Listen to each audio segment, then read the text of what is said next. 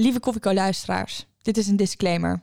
In deze aflevering hebben wij ons uiterste best gedaan om de zorg in de politiek overzichtelijk te maken. Ik weet niet of dat helemaal is gelukt. Wat wel is gelukt, is dat we een mooi gesprek hebben gehad met informatie die wij in onze studie niet zo snel krijgen. Dus luister dit interview om meer te weten te komen over wat er speelt in de politiek omtrent de zorg. Het heeft ons in ieder geval aan het denken gezet en wij hopen jullie ook. Succes met stemmen.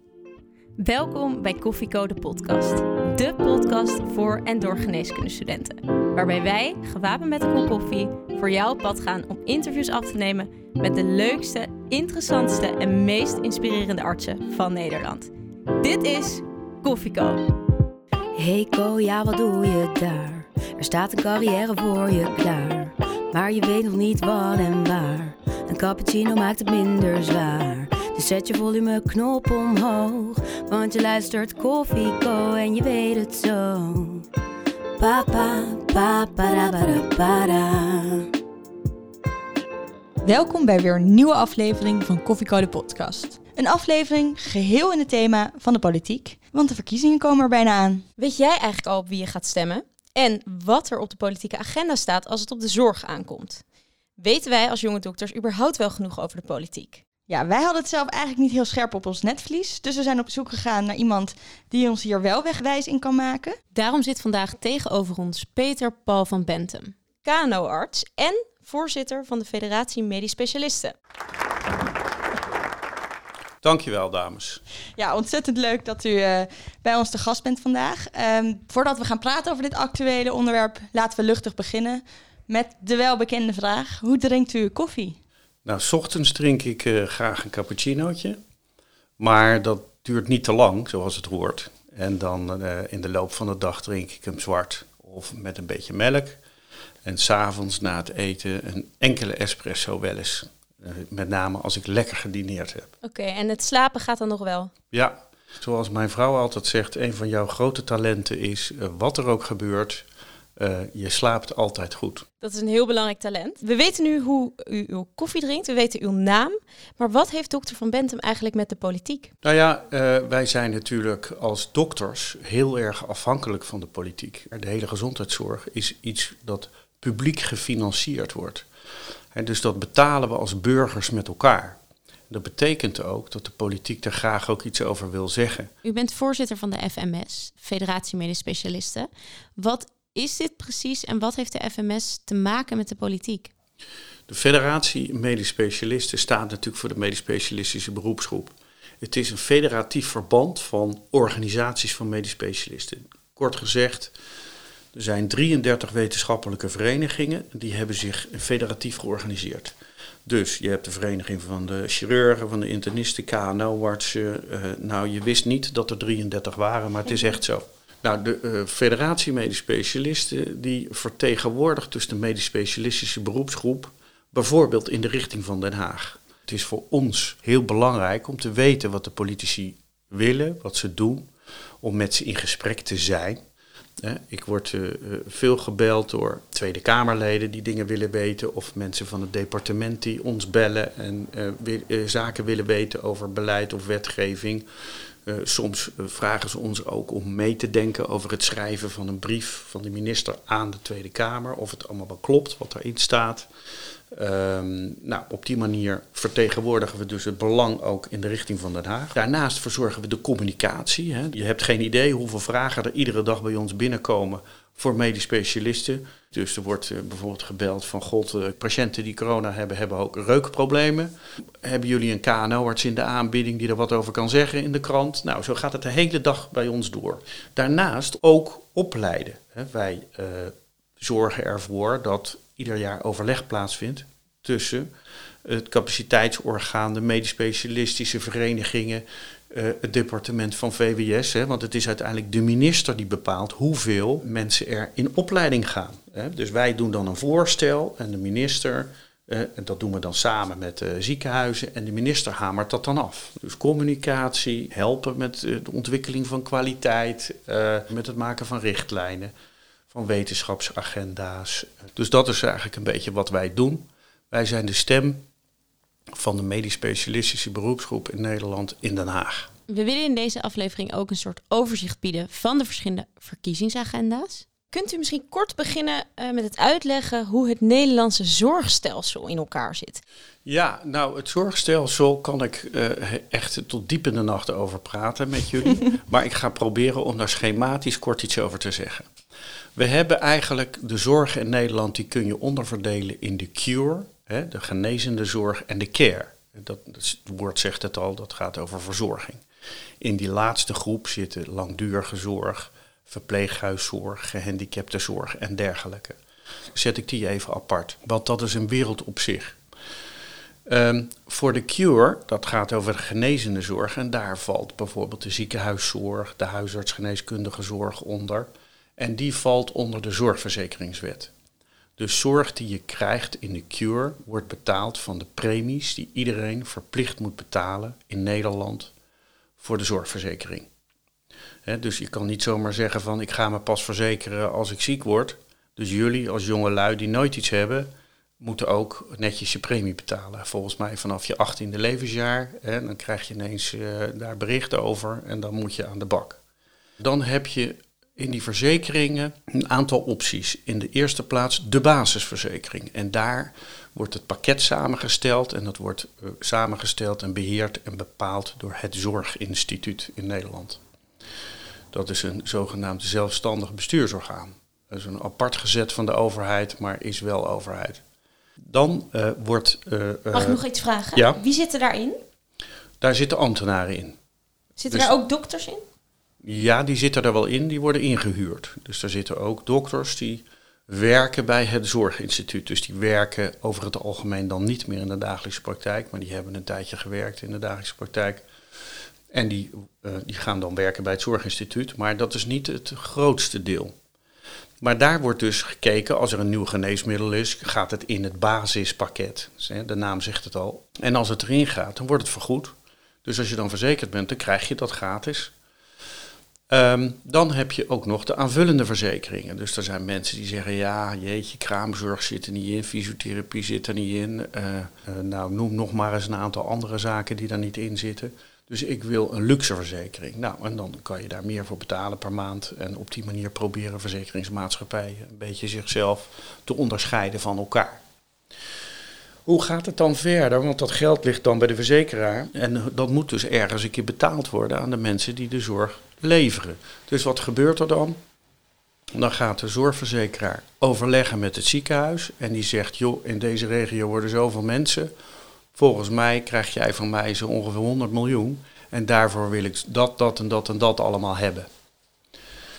Uh, nou, zegt uh, het ziekenhuis, dat vind ik uh, een slechte deal. Dus ik wil een paar procent bij. En nou, zo gaat dat dan. vroeger ging het heel anders. Dat is wel relevant, denk ik, om even te noemen. Er werd er gewoon gezegd, een heupoperatie kost zoveel. Dus als je er zoveel doet, krijg je dat. Daar zijn we tiental jaren geleden van afgestapt in Nederland. Toen werd er gezegd, nou, we gaan toch wat meer budget financieren, die ziekenhuizen. Dus wat we gaan doen, is in het verleden kreeg je gemiddeld ongeveer 100 miljoen. Uh, dat, daar deed je ongeveer dit voor. Ik vind dat je wat meer of minder heupen, knieën, uh, keelamandelverwijderingen of noem het allemaal uh, maar op moet doen. Dus ik ga je wat minder betalen. En nou, dan zijn de ziekenhuisorganisaties, ja, maar er is ook nieuwe zorg. Tegenwoordig doen we ook ingewikkelde wippeloperaties. Dus daar wil ik ook geld voor hebben. Altijd een beetje handjeklap. En dan werd er een budget gemaakt. En op die manier kreeg het ziekenhuis dan 100 miljoen. En die moest daar dan zijn spullen, zijn gebouw en zijn mensen voor betalen. De medisch specialisten die werkten uh, voor een belangrijk deel in maatschappen. Uh, maar sommige medisch specialisten waren in dienst. Dus na de deal ging de raad van bestuur naar zijn medische staf toe en zei dan tegen die, bijvoorbeeld kinderartsen van ik heb zoveel afgesproken voor jullie, dus dat moeten jullie doen. En dan zei hij dat tegen mensen die in dienstverband waren. En met die maatschappen ging hij praten, ging hij een overeenkomst maken, die directeur. En dan zei hij, uh, jij zit in een maatschap, zou jij dat en dat willen doen voor die prijs? Nou, en dat is een beetje zoals de zorg werkt. Oké, duidelijk. Um, nog één hele korte vraag. Wat is nou precies het verschil tussen mensen die in de maatschap werken en mensen die in loondienst zijn? Nou, mensen die in loondienst werken, die werken in dienst van een ziekenhuis. En mensen die in het vrij beroep werken, zoals dat heet, die werken voor rekening en risico van zichzelf. Ehm, en die hebben zich in de algemene ziekenhuizen op dit moment georganiseerd in medische specialistische bedrijven. Sommige mensen voelen zich prettig en vrij om te handelen zoals zij willen in dienstverband. En anderen voelen zich veel prettiger in het vrij beroep. Je hebt bakkers, die hebben een eigen bakkerij. Maar je hebt ook bakkers, die hebben een eigen bakkerij en die hebben bakkers in dienst. En die vinden het fijner om in dienst te zijn. Het is allemaal eigenlijk niet zo ingewikkeld. Ah, oké. Nou, dat is een goede uitleg. Dat is concreet. Voor nu hebben we denk ik dan wel een overzicht van hoe het zorgstelsel ongeveer in elkaar zit. We kunnen er natuurlijk ook nog uren over doorpraten. Maar om het onderwerp van vandaag, zorg in de politiek, nog iets beter in te leiden, komt er even iemand invliegen. En dat is Jochem. Jochem van de Kiesmannen hebben wij gevraagd om ons kort en bondig even mee te nemen in een paar grote thema's die deze verkiezing op de politieke agenda staan.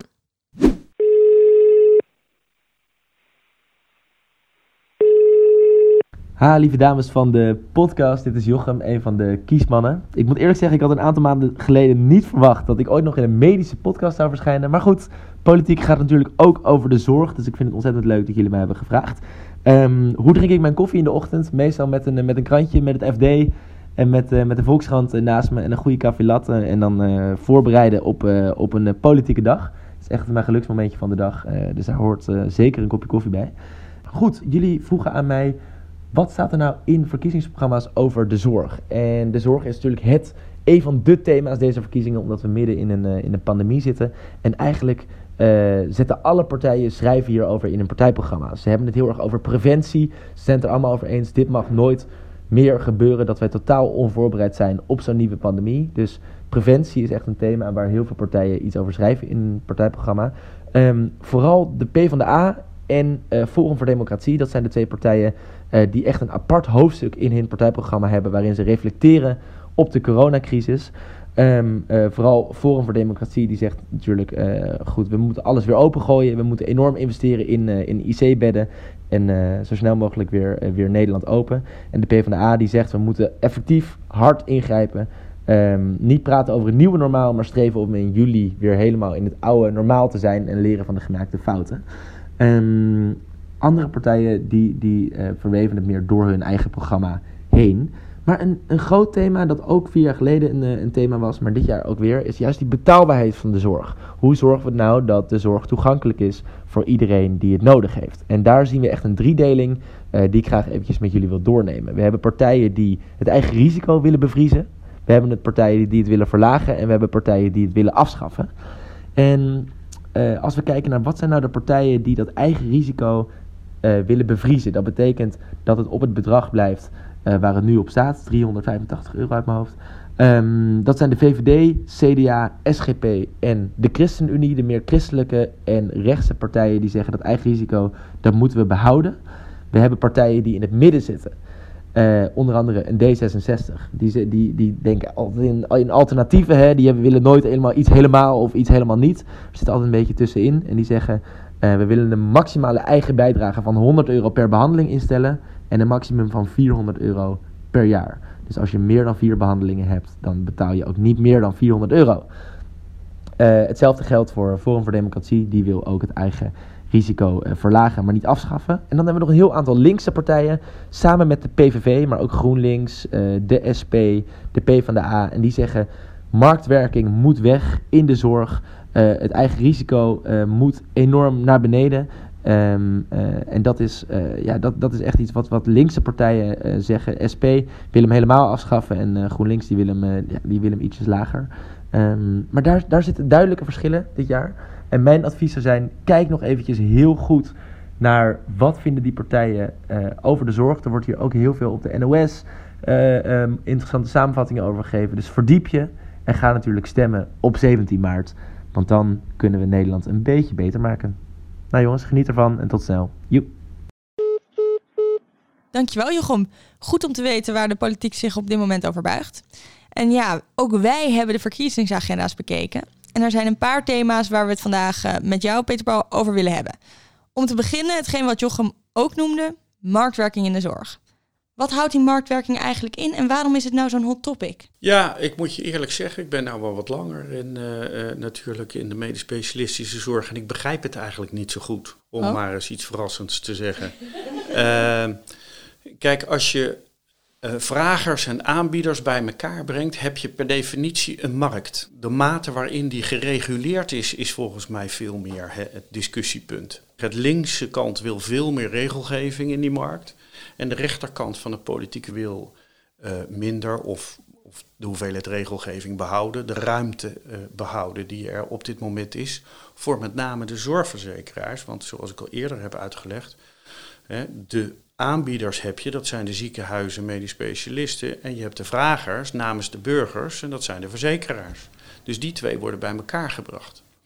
Dus de mate waarin dat gesprek tussen die twee partijen goed gaat, bepaalt ook de kwaliteit van de medisch specialistische zorg in het land. Nou, op dit moment is de medisch specialistische zorg in Nederland de beste ter wereld, zo ongeveer. Maar wat is dan het probleem? Nou ja, het probleem is dat, of het probleem is, het, het probleem is misschien wel dat iedereen er wat van moet vinden. Voor ons is er in dat gesprek wat de politiek heeft over de markt, is er een belangrijk aandachtspunt. En dat aandachtspunt is, krijgen wij als medisch specialisten wel voldoende ruimte om de goede dingen te doen? Want wat wij in de coronacrisis hebben gemerkt, is dat doordat er een vergrootglas ligt over de zorg, er heel veel politieke aandacht naar de zorg is gegaan en heel veel politieke partijen behoefte hebben om beleid te maken over de zorg. En wat betekent nou beleid? Wetgeving. Wet en regelgeving betekent bureaucratie. En bureaucratie betekent administratieve lastendruk. En dat willen wij niet. Dus wij vragen ook heel erg aan de politiek: hou de professional vrij. Blijf die vertrouwen, zoals jullie dat net hebben gedaan in de crisis. Blijf die ruimte geven om de goede dingen te doen. En, pers die niet in een keurslijf omdat je denkt dat dat beter voor de kwaliteit zou zijn. Of uh, uh, omdat je denkt dat het goedkoper is. Als u dit zo zegt, kan ik me niet voorstellen dat er partijen zijn die daar tegen pleiten. Tegen de autonome specialist. Ja, nou, dat zul je versteld staan. Want uh, daar waar, als je nou de, de, programma's van de politieke partijen kijkt, dan staan daar een heleboel dingen in waarvan ik zeg: Goh, dat, daar ben ik blij mee. Hè? Noem maar eens één. Uh, aandacht die ze hebben voor uh, de arbeidsmarkt. Hè? Want ja, wij werken in teams. Wij kunnen natuurlijk niet functioneren op het moment dat uh, dat team er niet staat en dat wij de mensen gewoon niet hebben. Wij vinden preventie heel belangrijk, uh, want wij vinden natuurlijk doodzonde al die mensen die uh, te dik zijn en allerlei problematiek krijgen, terwijl we onze tijd en energie ook aan andere zaken zouden kunnen besteden als we dat zouden kunnen voorkomen. En wij zijn ook, dat zal je misschien verrassen, tegen productieprikkels, om maar eens wat te noemen. En wij denken ook dat die er veel minder zijn dan de politiek op dit moment denkt. Vanwege, wat ik je net ook heb uitgelegd, die budgettering van die ziekenhuizen. Want je kan produceren wat je wil, maar de meeste contracten tussen ziekenhuis en verzekeraar staat in dat als je meer doet, krijg je het niet betaald. En de meeste ziekenhuizen doen meer. En dat doen ze omdat die patiënten er gewoon zijn. En omdat wij als dokters die gewoon niet voor de deur laten staan. Begrijp je? Kunt u eens een productieprikkel noemen? Nou, een productieprikkel, mensen die het hebben over productieprikkels, die zeggen bijvoorbeeld dat op het moment dat je betaalt voor een verrichting, dat je meer verrichtingen krijgt. Dus je prikkelt daarmee verrichtingen omdat er ook een betaling aan vastzit. Nou, jullie zullen waarschijnlijk in de dagelijkse praktijk, en anders moet je het me nu zeggen, nooit een dokter hebben gezien die laat meewegen wat, wat iets voor hem oplevert of haar oplevert. Dus het is een, een discussie waarvan ik vind dat het een tekentafeldiscussie is van politici, van beleidsmakers, van uh, uh, uh, nou, mensen die over het systeem nadenken. En dat is losgezongen van de praktijk in mijn beleving. Uh, maar er wordt wel veel over gesproken. Dus wij zeggen ook, wij hoeven ook helemaal geen productie, wij hoeven geen P maal Q betaald te krijgen, zoals dat in de economie heet. Hè. Product maal prijs is. Hè. Dat, dat hoeft voor ons helemaal niet. Wij willen juist graag, nu die productieprikkel er toch nauwelijks nog is, omdat een ziekenhuis gebudgeteerd is, willen wij eigenlijk aan die tafel plaatsnemen met die ziekenhuisdirecteur en die verzekeraar en praten over kwaliteitsdossiers. Ieder jaar is er weer nieuwe kennis uit onderzoek Uh, op dit moment hebben we een bepaalde club ingericht, dat heet Zorgevaluatie en Gepast Gebruik. Op initiatief van ons, waar ook alle andere partijen aan tafel zitten, ziekenhuizen, verzekeraars. En die maken één keer per jaar een implementatieagenda, zoals dat duur heet. Dus al, is allemaal terminologie. Maar daar staat gewoon op, we hebben dit jaar onderzocht dat uh, die en die behandeling uh, moet je alleen dan en dan doen. En niet vaker zoals we dat vroeger gewend waren te doen, want dat heeft uh, evaluatieonderzoek uitge uitgewezen. Nou, dan moet je als verzekeraar en ziekenhuisdirectie met, met z'n tweeën naar die agenda kijken en met de medische staf erbij. En dan zeggen, oké, hoe gaan we dat in dit ziekenhuis doen? En welke afspraken kunnen we erover maken, zodat we ook helemaal aan de frontlinie van de kennis zitten en handelen in dit ziekenhuis naar de nieuwste inzichten, dus ook de beste kwaliteit van zorg hebben.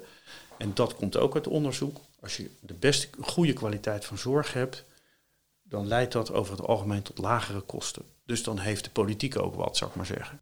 Eigenlijk uh, maken we deze aflevering om het voor co-assistenten uh, makkelijker te maken om te kiezen. En misschien een beetje een, een mening te hebben over de verschillende uh, partijprogramma's als het op de zorg aankomt. Dus we hebben het nu over één onderwerp, dat is marktwerking. Um, en eigenlijk om dit onderwerp af te sluiten, zou ik aan u een advies willen vragen. Waar kan je als kiezer nou op letten in de partijprogramma's als het om dit onderwerp gaat? Nou, wat ik uh, zelf erg belangrijk vind, is hoe invloedrijk wil een partij dat de overheid is. Hoe krachtig wil de overheid, zal ik maar zeggen, het veld in en daar controleren en beheersen. Dat laatste vind ik niet goed, omdat dat bijna over het algemeen betekent een inperking van de ruimte van de dokter. Maar dat is mijn persoonlijke visie natuurlijk. Kijk, onze luisteraars zijn naast kiezers ook jonge dokters en misschien wel jonge specialisten die dus hun autonomie als dokter niet kwijt willen. En net als u nu. Nou, je handelt niet helemaal autonoom, maar je hebt wel een professionele verantwoordelijkheid die je waar moet kunnen maken. Ja. En dat vind ik een belangrijk iets. En daarvoor heb je ruimte en vertrouwen nodig. Ik kan een voorbeeld uit de crisis geven. Nu in de crisis hebben de medisch specialisten enorm leiderschap getoond. Iedereen schrok zich dood. Het ging heel hard. En uh, die medisch specialisten hebben een stap naar voren gedaan. Die hebben cohortafdelingen ingericht, die hebben patiëntenstromen verlegd, die hebben IC's opgeschaald, die hebben personeel opgeleid om te zorgen dat er genoeg capaciteit was voor al die patiënten. Daarvoor hebben ze heel de ruimte gekregen. Iedereen zei: doe maar, ga maar. Dit is dus het verhaal wat ik tegen politici veel vertel: van kijk nou wat hier gebeurd is. En ik vraag ze dus ook om zich in te houden in wet en regelgeving, waarbij ze ons dwingen om iets te doen. bijvoorbeeld met de beste bedoelingen, zeg ik ook vaak, want zij willen ook de zorg graag beter maken. Dus met de beste bedoelingen zijn er nu gedachten om uh, een recht op e-health uh, te verankeren. Dus dat betekent dat de patiënt komt binnen en die zegt: luister, is de laatste keer geweest, de volgende keer is het alleen maar beeldbellen, je zoekt het maar uit. Ik snap dat. Want wij hebben heel veel gebeld, maar wel met onze eigen telefoons. We hebben beeld gebeld met onze eigen smartphones. Want de infrastructuur in de ziekenhuizen is gewoon nog niet goed. Jullie werken ook uh, in de ziekenhuizen. Jullie hebben gezien dat als jij nu je spreekuur de hele dag met beeldbellen zou moeten doen, dat betekent dat je kwaliteit van je spreekuur gewoon achteruit gaat. Nou, dat is nou bijvoorbeeld een voorbeeld wat met de beste bedoelingen gebeurt, maar wat ons heel veel problemen gaat geven als dat wet wordt. Dat zijn kleine voorbeelden en daar zijn er nog legio van. En dat, daar hebben wij dus heel veel uit te leggen. Dus ik roep ook altijd iedereen op die politiek geïnteresseerd is. Het maakt me niet uit voor welke partij. Maar als er maar medisch-inhoudelijke kennis in Den Haag komt. Hè, als er maar dokters zijn die zich gaan bemoeien met uh, de politiek. Op wat voor manier dan ook. Er zijn een heleboel mogelijkheden waarop je dat kan doen. Nou, dat is dus het permanente gesprek. Hoe gaan we dat als federatie doen? Dus, dus door uh, al dit soort dingen iedere keer uit te leggen. We hebben heel veel overleggen daar. En iedere keer als wij uit onze achterban iets raars horen, bijvoorbeeld dit over e-health, dat voorbeeld wat ik net vertel, dan ga ik dat daar bespreken. En vaak zeggen ze dan, oh oké, goed dat we het weten. Hè, uh, maar soms willen ze het dan toch. Of zijn er andere belangen die daar een rol spelen in de politiek? Want ik bedoel, politiek heeft zijn eigen dynamiek. Oké, dus de FMS die strijdt voor het belang van de dokters en een, een fijne baan en een uh, goede kwaliteit van zorg. Maar de kiezer heeft ook invloed ja. op wat er gebeurt met ons beroep. Dus de FMS strijdt voor ons, maar wij strijden straks zelf voor onszelf als we moeten stemmen.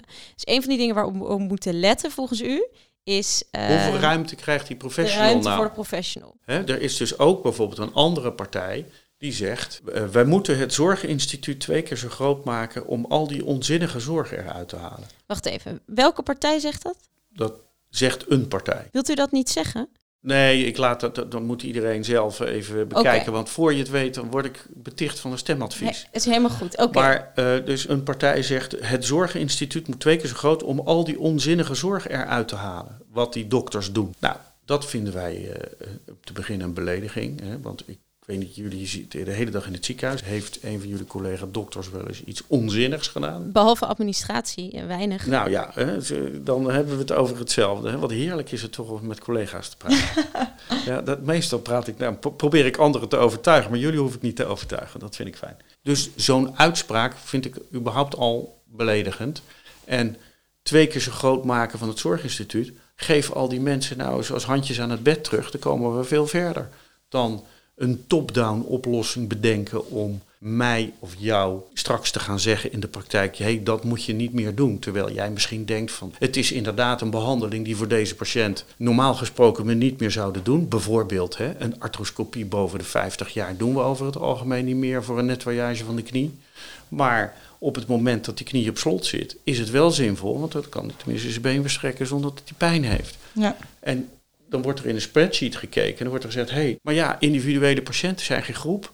En jij bent de dokter en jij maakt met je patiënt een afweging wat wel of niet gepast is voor die patiënt. Ja. En daar gaat een zorginstituut niet over. Nou, dat is ook de ruimte en vrijheid die je moet hebben, gebaseerd op vertrouwen.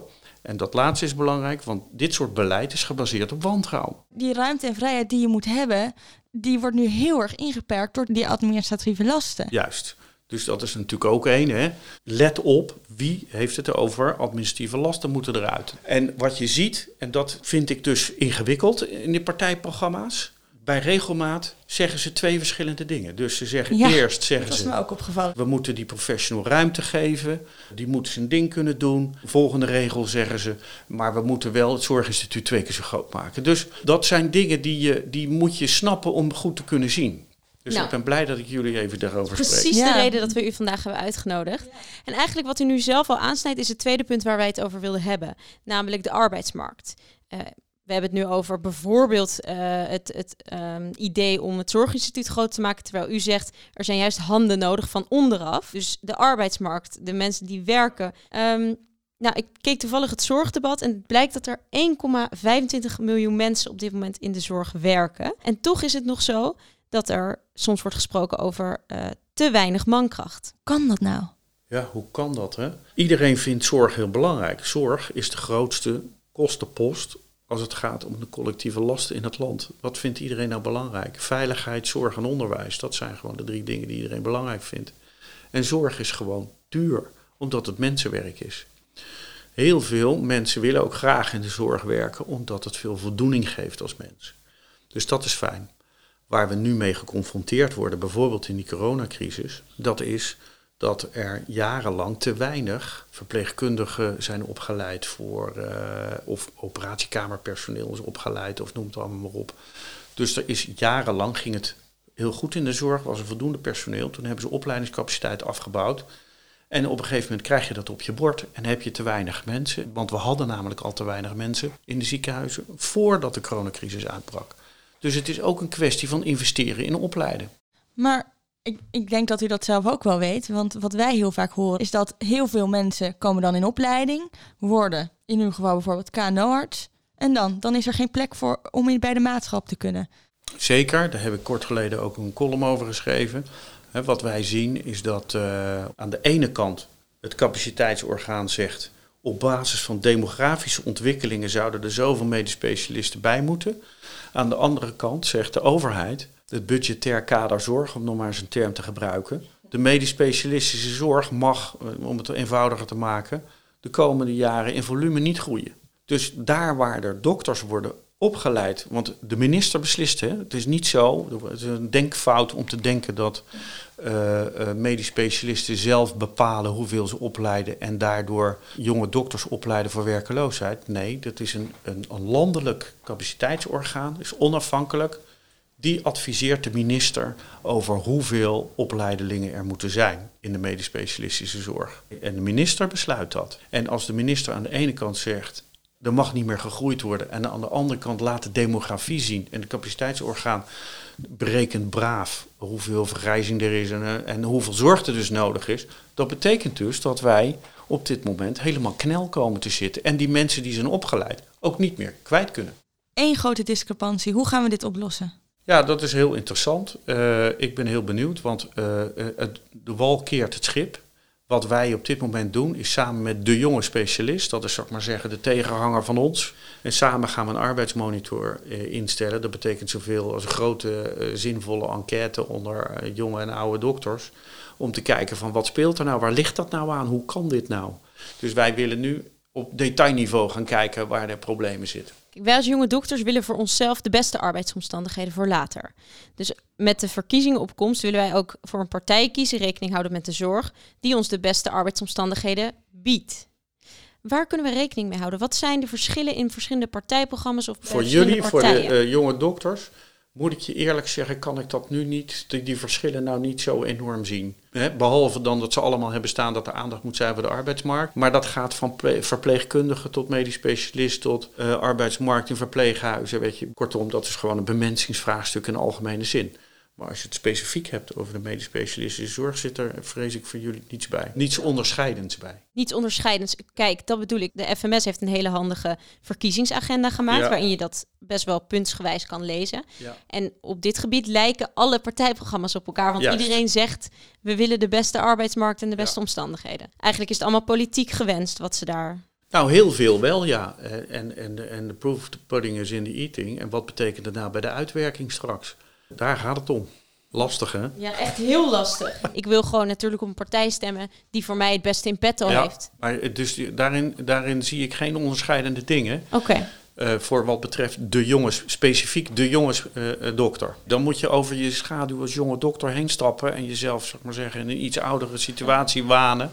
En dan gaat het echt over administratieve lasten, bureaucratisering, meer, meer overheidsinvloed op de zorg. En dat, dat, dat moet je fijn vinden of je moet daarvan zeggen, nou dat wil ik niet. Ja, ja, dan komen we eigenlijk bij een volgende knelpunt. En dat is de preventie. Ook een van de grote thema's van de, van de verkiezingsagenda. Net ook verteld door Jochem. En preventie is toch iets heel ongrijpbaars. Je ziet er niet meteen resultaat van.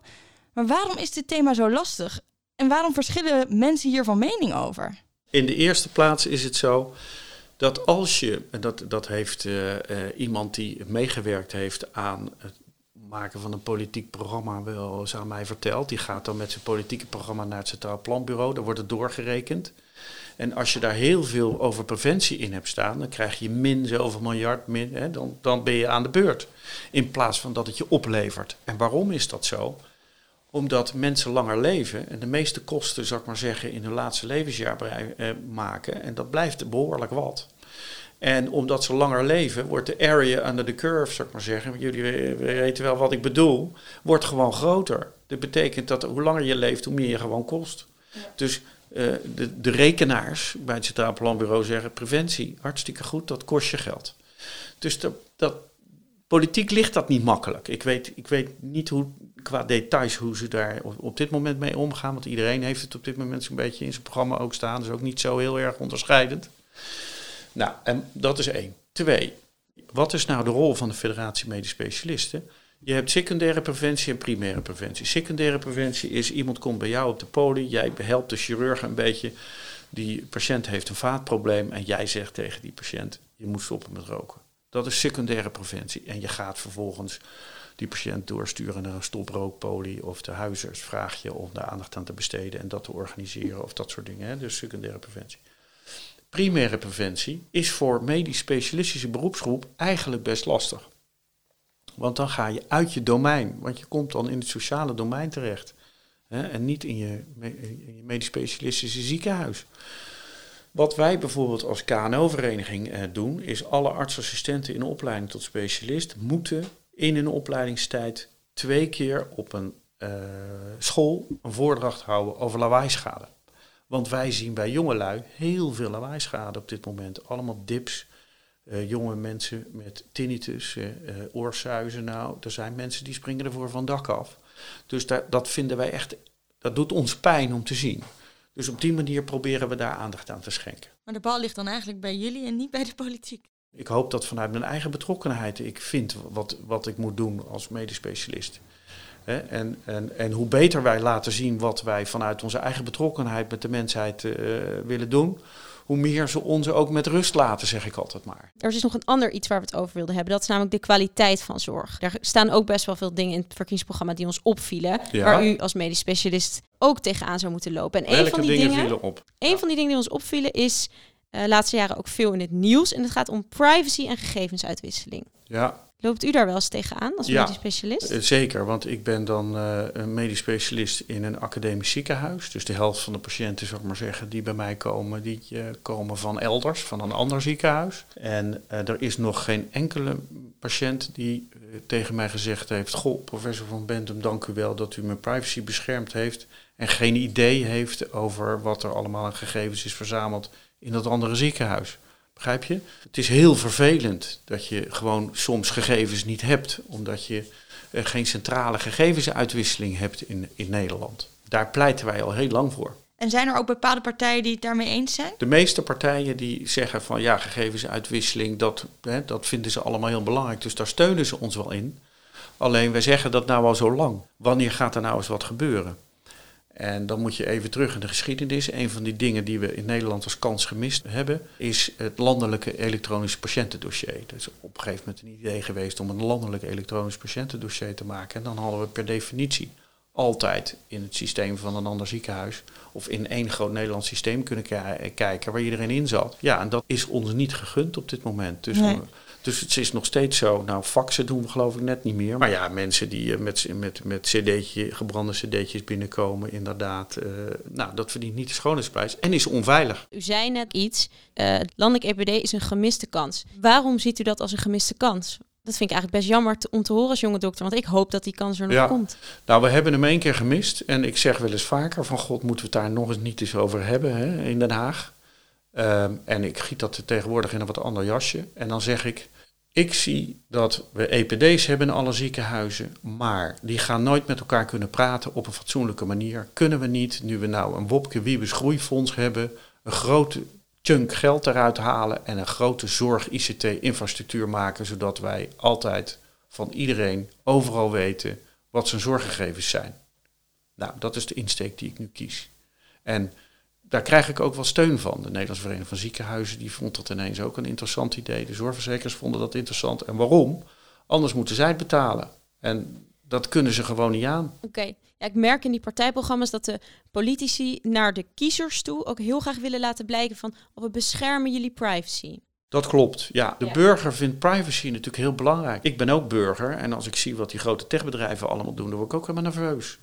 Hè? Maar um, als je dan kijkt hoe je er in de zorg mee om moet gaan. Wij zijn in de zorg zijn we nutsvoorziening en helemaal geen groot techbedrijf. Dus behandel dat ook anders.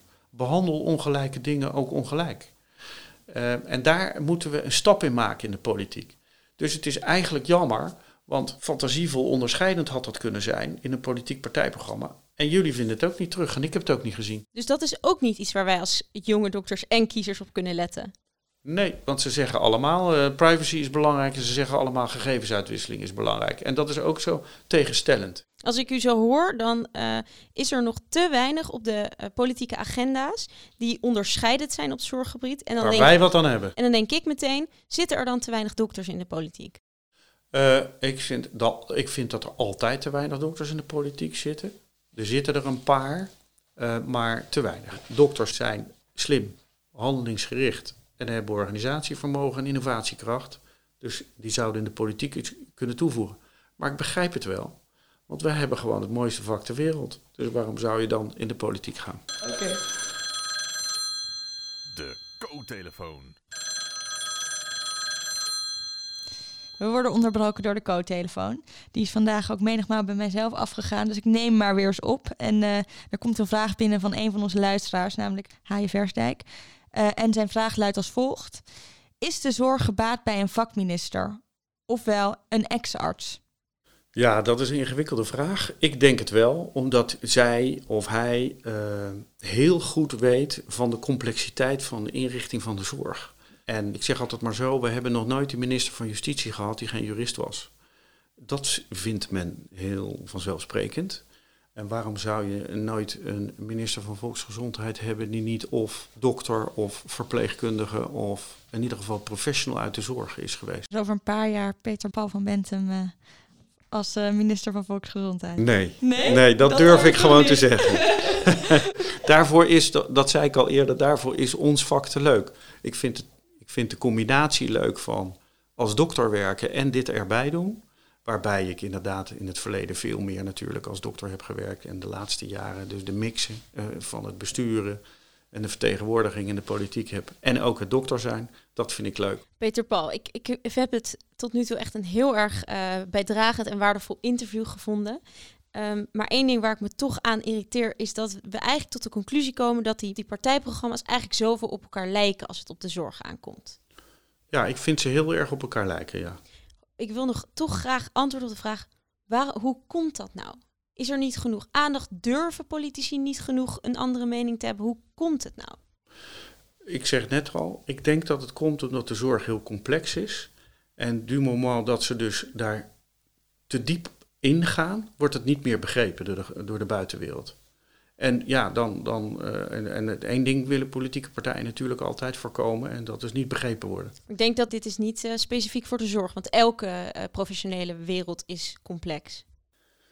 Ik denk dat de zorg echt complex is. Het lijkt wel alsof we het uit u willen trekken, maar dat is ook wel een beetje zo. De jonge artsen die nu aan het luisteren zijn, die zitten natuurlijk te luisteren omdat ze iets willen horen van wat moet ik nou doen, 17 Ja, jaar. maar ik ga geen stem op. op dat hoeft niet, dat hoeft niet. maar heeft u tips die u hem mee kan ge geven om toch ja, uh, een juiste keuze te wel maken? Wel overwogen keuze te Nou ja, wat ik zou zeggen, ik heb een paar dingen genoemd waarbij uh, uh, je op kan letten of een, in een politiek partijprogramma de mensen zichzelf tegenspreken. Dus aan de ene kant zeggen ze van, nou, we moeten die professionals ruimte geven. Aan de andere kant zeggen ze, maar het instituut moet eigenlijk zich bemoeien met de zorg die geleverd wordt. Ja, dat is tegenstrijdig. Of de ene kant heel erg groot punt maken van privacy en vervolgens zeggen, en trouwens, die gegevensuitwisseling is hartstikke belangrijk. Dat zijn allemaal dingen die zijn tegenstrijdig. En als mensen tegenstrijdige dingen zeggen, dan is dat niet echt betrouwbaar. Oké, okay, nou dat vind ik een waardevolle tip. Dank u wel. Um, u heeft al meerdere malen gezegd, u wil geen uh, stemadvies uh, uitgeven. Uh, u hoeft het ook zeker niet te zeggen, maar weet u al op wie u gaat stemmen? Ik denk het wel. En had u dat idee al een paar maanden geleden of is dat wel echt veranderd na, na aanleiding van de verschillende debatten? Ik ben al jarenlang trouw lid van één partij. die partij, en nou we het toch hebben over bemoeien nou eens met die politiek daar uh, ben ik lid geweest van de partijcommissie Volksgezondheid van die partij uh, op nationaal niveau. Dat is alweer een jaar of tien geleden, heb ik daar zeven jaar in gezeten of iets dergelijks. Omdat ik toen al merkte hoe belangrijk het is om daar uit te leggen hoe de gezondheidszorg in elkaar zit. Ik zou dat ook iedereen willen aanraden om te doen. En ik blijf die partij trouw. Dus jullie kunnen dat lekker opzoeken, maar dat ga ik nou niet zeggen. uh, we hebben een poging gedaan om uh, een beetje orde in de chaos te scheppen. Bij mij is er nog iets meer chaos gekomen, maar hopelijk zet het jullie allemaal aan het denken. Voordat we wel gaan afsluiten, wil ik natuurlijk nog wel ietsjes meer over u weten. We hebben het over work-life balance. Um, kunt u dat nu een beetje balanceren? Of is het nu met de coronacrisis wel extreem uh, veel meer FMS geworden en minder familie? Ik denk dat dat, dat een goede samenvatting is. Ik, ik heb in mijn leven nog nooit zo hard gewerkt, afgelopen jaar. Het is ook een hele boeiende tijd geweest. En zoals ik net al zei, als je kijkt naar het medisch leiderschap, wat ik gezien heb van die medisch specialistische beroepsgroep, ja, dan kunnen wij met elkaar niet, uh, niet meer dan trots zijn. En dat hebben we gewoon heel goed gedaan. We hebben ons echt heel goed laten zien. Het is een hele nieuwe ziekte. We hebben hem uitgevogeld. Wij hebben ook als federatie iets van uh, 15 webinars met 1000 tot 3000 specialisten georganiseerd. Waarin op een bepaald, uh, op de dag van de webinar een nieuwe koers werd ingezet. Er werd gezegd, nu vanaf morgen geen chloroquine meer. En dat ging in het hele land tegelijk. Of vanaf morgen gaan we dexamethason geven. Of vanaf morgen gaan we dit of dat doen. Al dat soort dingen hebben we allemaal uitgenast, allemaal uitgezocht. We hebben ook de leiding, het medisch leiderschap, de leiding genomen in de crisis. We hebben uh, de kennis verzameld. We hebben de mensen verbonden met elkaar om dat ook uh, te delen. Dus daar ben ik heel trots op. Dus dat is echt een grote opsteker. Dus het was het waard. Dus het was het waard. En wat heeft u zelf als persoon ervan geleerd? Uh, dat je het niet alleen kan. Dus je moet altijd samenwerken. Dat is belangrijk. We eindigen ons interview altijd met een laatste tip. Eigenlijk uw gouden tip voor de jonge artsen die nu luisteren. Dat hoeft deze keer niks te maken te hebben met de aankomende verkiezingen, want daar hebben we genoeg over gepraat, zie ik aan uw gezicht. Wat zou u de jonge dokters willen meegeven? Uh, nee, ik ga toch iets zeggen. En dat gaat over, als je straks dokter bent, uh, realiseer je dat er naar je gekeken wordt. Je bent per definitie leider. Ook iedere dag op je poli, op je OK, op je afdeling. Jij, iedereen kijkt naar jou. Dus verdiep jezelf in leiderschap. Verdiep je in medisch leiderschap. Medisch leiderschap bestaat uh, op je eigen afdeling. Dat bestaat als je een zorgpad organiseert voor een bepaalde ziekte. Dan neem je de leiding in. Uh, op het moment dat je je gaat bemoeien met het besturen van een ziekenhuis. En ook op het moment dat je je gaat bemoeien met het besturen in je beroepsgroep. Of zelfs op landelijk niveau en je invloed aanwendt bij de politiek. Maar ook als je bijvoorbeeld, wat een belangrijk onderdeel van onze medisch leiderschap in de crisis is geweest, uitleggen aan de wereld hoe het in elkaar zit. Dus al die voorzitters van de Federatie Medisch Specialisten die aan die gesprekstafels hebben gezeten, is ook medisch leiderschap. Dus realiseer je dat medisch leiderschap er is, verdiep je erin en bekwaam je erin. Dat maakt voor een belangrijk deel je succes in de toekomst. Er zijn allerlei cursussen voor, die organiseren wij ook. Ja, een hele originele tip. En dat was het dan, het einde van het interview. Lieve luisteraars, dank je wel voor het luisteren. Als jullie nog meer willen weten over de politiek en de zorg, de FMS heeft een heel mooi overzicht gemaakt met nog veel meer onderwerpen um, en standpunten van verschillende partijen. Onderwerpen zoals abortus, geneesmiddelen, transgenderzorg en ook het levenseinde worden daar mooi uh, in kaart uh, gebracht. Dus um, dat, dit kan je vinden op de website van FMS. Dankjewel. Peter Paul, ja, ook ontzettend bedankt voor je komst. Graag gedaan en heel veel succes. Ik heb er alle vertrouwen in als ik jullie zo zie. Pa, pa, pa, para, para, para.